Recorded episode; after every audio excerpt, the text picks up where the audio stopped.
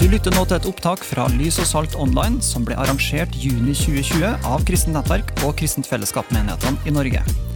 Du vil finne mer stoff fra konferansen på lysogsalt.no. Følg oss gjerne på Facebook, Instagram eller abonner på vårt nyhetsbrev på lysogsalt.no. God fornøyelse.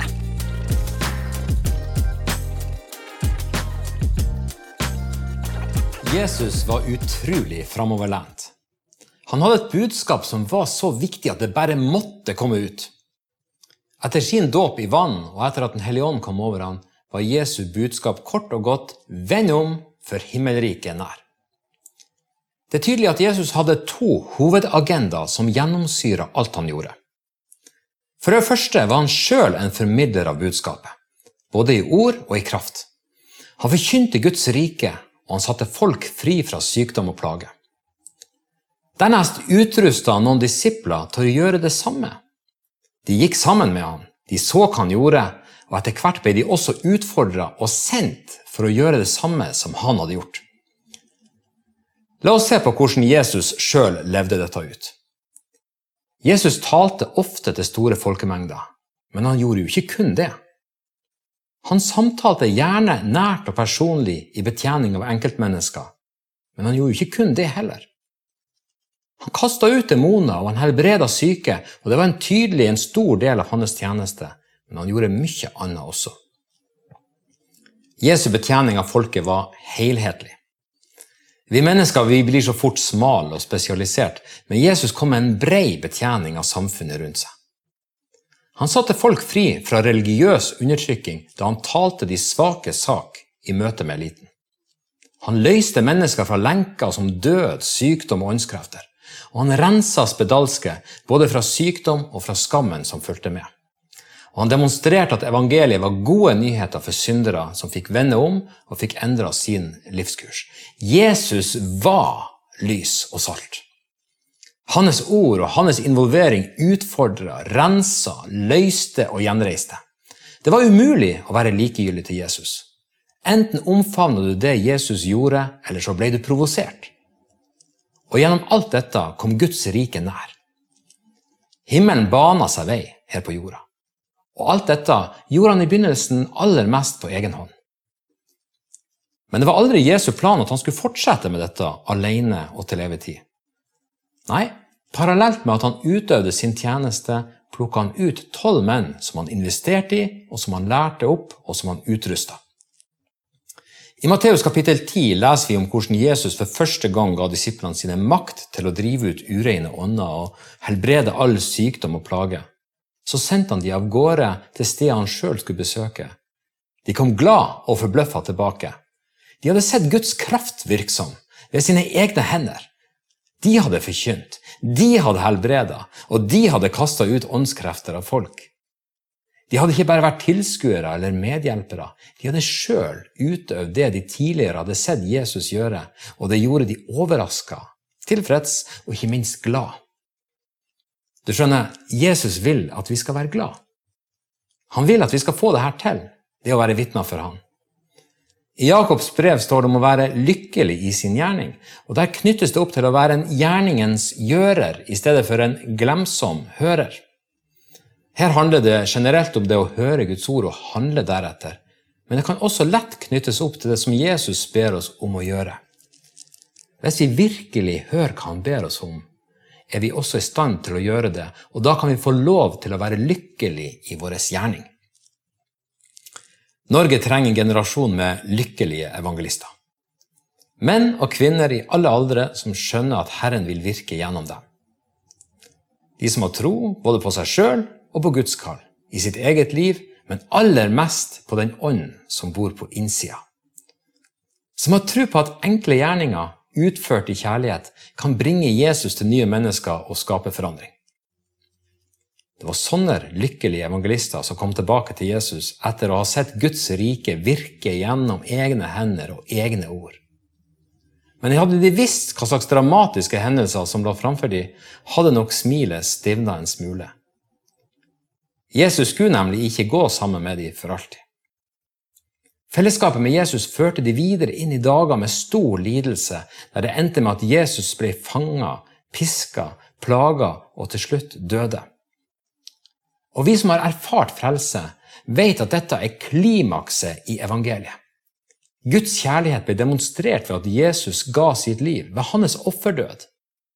Ved sin død tok han all synd, sykdom og plage på seg sjøl, og han gjorde evig liv tilgjengelig for alle som tror på hans navn.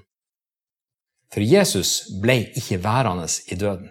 Guds ånd reiste Jesus ut av dødens makt, og Jesus sto levende frem og begynte å vise seg for disiplene. Og mer enn noen gang før var det nå grunn til å proklamere 'venn om', for Guds rike kommet nær. Men denne gangen hadde ikke Jesus tenkt fysisk sett å gjøre jobben sjøl. Han ga oppdraget videre. Noe vi kan lese om både i siste kapittel av Matteus, Markus og Lukas, og i første kapittel av apostlenes gjerninger. Vi kaller det for misjonsbefalinga. Oppdraget om å være vitner, om å bringe evangeliet ut til alle folkeslag. Og etter at han hadde gitt befalinga, forlot han jorda, og han satte seg ved Faderens høyre hånd, for han lot Den hellige ånd bli utøst over disiplene, og den første store misjonsbølgen skjølte over Jerusalem. Disiplene ble fylt med Guds egen ånd. Den hellige ånd som reiste Jesus fra døden. Konsekvensen var at Peter forkynte et kraftfullt budskap. Mennesker ble overbevist, og den første dagen ble ca. 3000 mennesker døpt og lagt til menigheten. Jesus reiste opp en kropp der han sjøl skulle være hodet. Og det var denne kroppen som nå skulle bringe Guds rike ut. En kropp der hvert enkelt lem består av mennesker som har gitt sine liv for å være disipler av Jesus. En kropp der du og jeg er lemmene, mens Jesus er hodet. Dette kan vi lese om både i Romerne 12, i 1. Korinterbrev 12 og Efeserne kapittel 1 og kapittel 4. Det var en kropp som var sammensatt av lykkelige evangelister. Vanlige personer som deg og meg. Og denne kroppen var kraftfull. For på innsida skulle Den hellige ånd pulsere og sørge for at alt det som Jesus tidligere hadde gjort, fremdeles skulle bli gjort blant mennesker, og i en enda større utstrekning. Det blir ofte snakka om evangelisering og misjon som om at det er to ulike ting. Men dersom du tar et bibelsøk, så vil du verken finne ordet evangelisere eller ordet misjon i Bibelen. Misjon er fra det latinske ordet mission, som betyr å sende ut, mens evangelisering kort og godt betyr å spre ut evangeliet. Men vi ble aldri bedt om verken å evangelisere eller å misjonere, og definitivt ikke lage et skille mellom de her to prosjektene. Vi ble bedt om å være vitner. Vitner som forteller sin egen historie, sine egne opplevelser og erfaringer knytta til trua på Jesus. Vitnesbyrdet ditt kan ingen diskutere. Det er din personlige historie, og den passer perfekt inn i den store historien fra Bibelen. Men også det å være vitner som er ledet av Den hellige ånd, og som forkynner evangeliet og løser mennesker fra alle forskjellige lenker og bånd. I Lukas leser vi følgende versjon av misjonsbefalinga. Messias skal lide og stå opp fra de døde tredje dag, og i hans navn skal omvendelse og tilgivelse for syndene forkynnes for alle folkeslag. Dere skal begynne i Jerusalem. Dere er vitner om dette. Og se, jeg sender over dere det som min far har lovet. Men dere skal bli i byen til dere blir utrustet med kraft fra det høye. Jesus ba disiplene om å bli i Jerusalem til de hadde blitt utrusta med kraft fra himmelen. Det var her de skulle erfare dåpen i Den hellige ånd. Men det var også her de skulle starte sin tjeneste som vitner. Jeg vet ikke hva som er ditt Jerusalem, men mitt Jerusalem er Tromsø. Jesus sier at jeg skal være vitne her som jeg bor, om at han lei, om at han døde, om at han sto opp igjen. Det er her i Tromsø at jeg først kan fortelle andre om hva Jesus har gjort for meg. Her i Tromsø kan jeg formidle det generelle budskapet om korset, men også vitne om den relasjonen jeg har til Jesus i hverdagen. Om situasjoner der han har grepet inn med helbredelse, gjenreisning, fred, glede, beskyttelse og hjelp. Men Tromsø er også stedet der jeg frimodig kan legge hendene mine på mennesker og la de erfare Guds kraft. Gud virker når vi ber. Her i byen kan jeg se helbredelser skje, åndskrefter vike og mennesker gjenreist ved Guds kraft. Og her i Tromsø kan jeg være en som rekker ut hendene mine til svake og utstøtte. Dele varme, omsorg og smil med folk som er nedbrutt. Være en hyggelig nabo, trofast venn og giver. Evangeliet er betjening for hele samfunnet. Vitnetjenesten er ikke bare for de som ønsker å gå på gata eller fra dør til dør. Vi må ha en brei forståelse av hva vitnetjenesten er. Vi er kalt til å være lys og salt i alle lag av samfunnet, og på mangfoldig vis. Hver av oss må vite at vi er involvert i utbredelsen av Guds rike. Hvis ikke vil vi kjenne at det er en mismatch mellom kall og praksis. Mange forkynnere før meg har sagt følgende. Det, det var ikke et misjonsforslag, det var en misjonsbefaling. Jesus sendte oss ut, og når Herren befaler, ja, så har jeg vel egentlig ikke et valg, da. Nei, det er faktisk ikke lett å snakke seg bort fra oppdraget. Mange tenker at vitnetjenesten ikke er noe for dem. At det ikke passer deres personlighetstype. Kanskje de ikke er glad i å snakke med fremmede og foretrekker nære, trygge relasjoner i stedet. Men er vitnetjenesten kun ment for utadvendte mennesker som er gode på førstekontakt? Nei, vi må ha en bredere forståelse av det her. Og dersom vi har det, kan alle finne sin plass, og alle kjenne at de kan være engasjert og involvert. Men så har vi andre som kanskje har gjort noen forsøk på å nå ut med evangeliet, men sett med negative erfaringer og opplevelser av eh, manglende frukt. Og på bakgrunn av det ser de ingen grunn til å gå ut av komfortsonene noen gang igjen. Og så har du andre igjen som kanskje egentlig har lyst, men som bare aldri kommer seg i gang.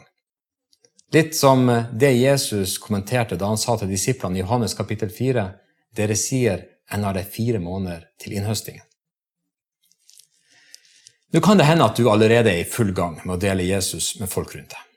Men om du ikke er det, er det helt sikkert en grunn til det.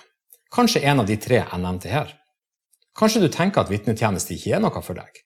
Eller kanskje du sitter med negative erfaringer. Eller kanskje du bare sliter med å komme deg i gang.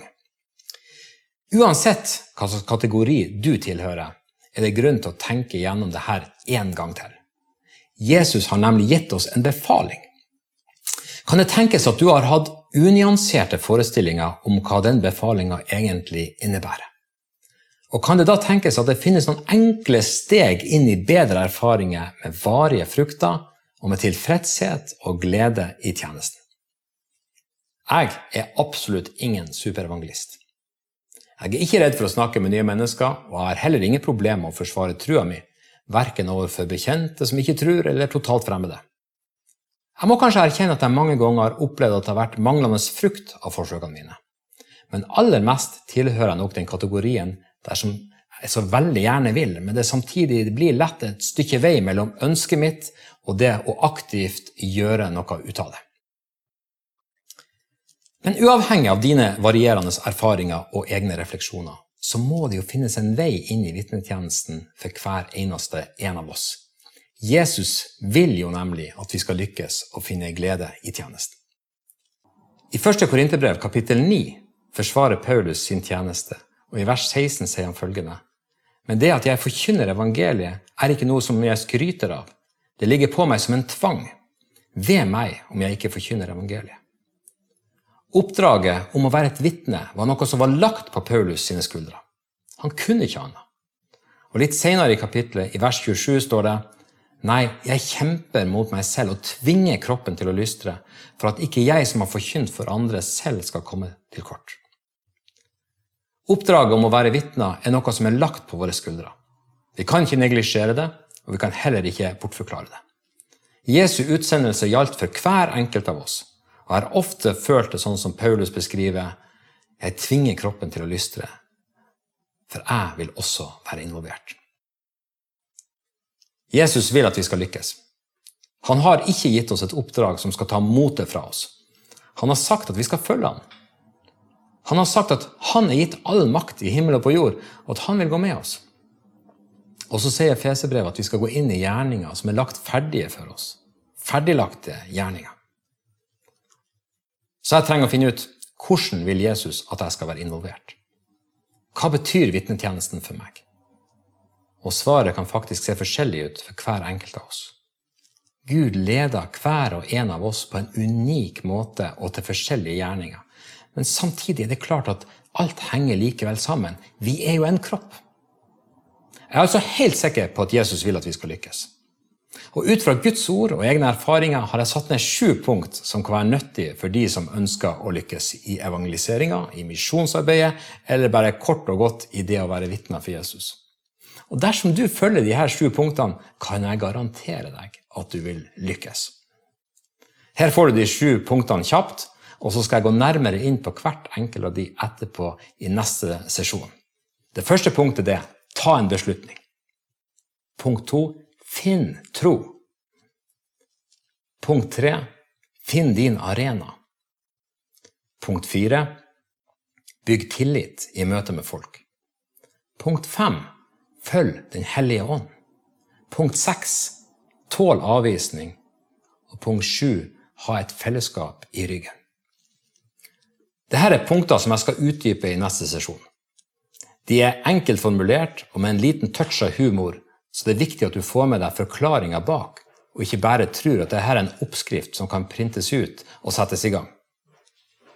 Jesus sender oss ut med evangeliet. Han sender oss ut som lys og salt.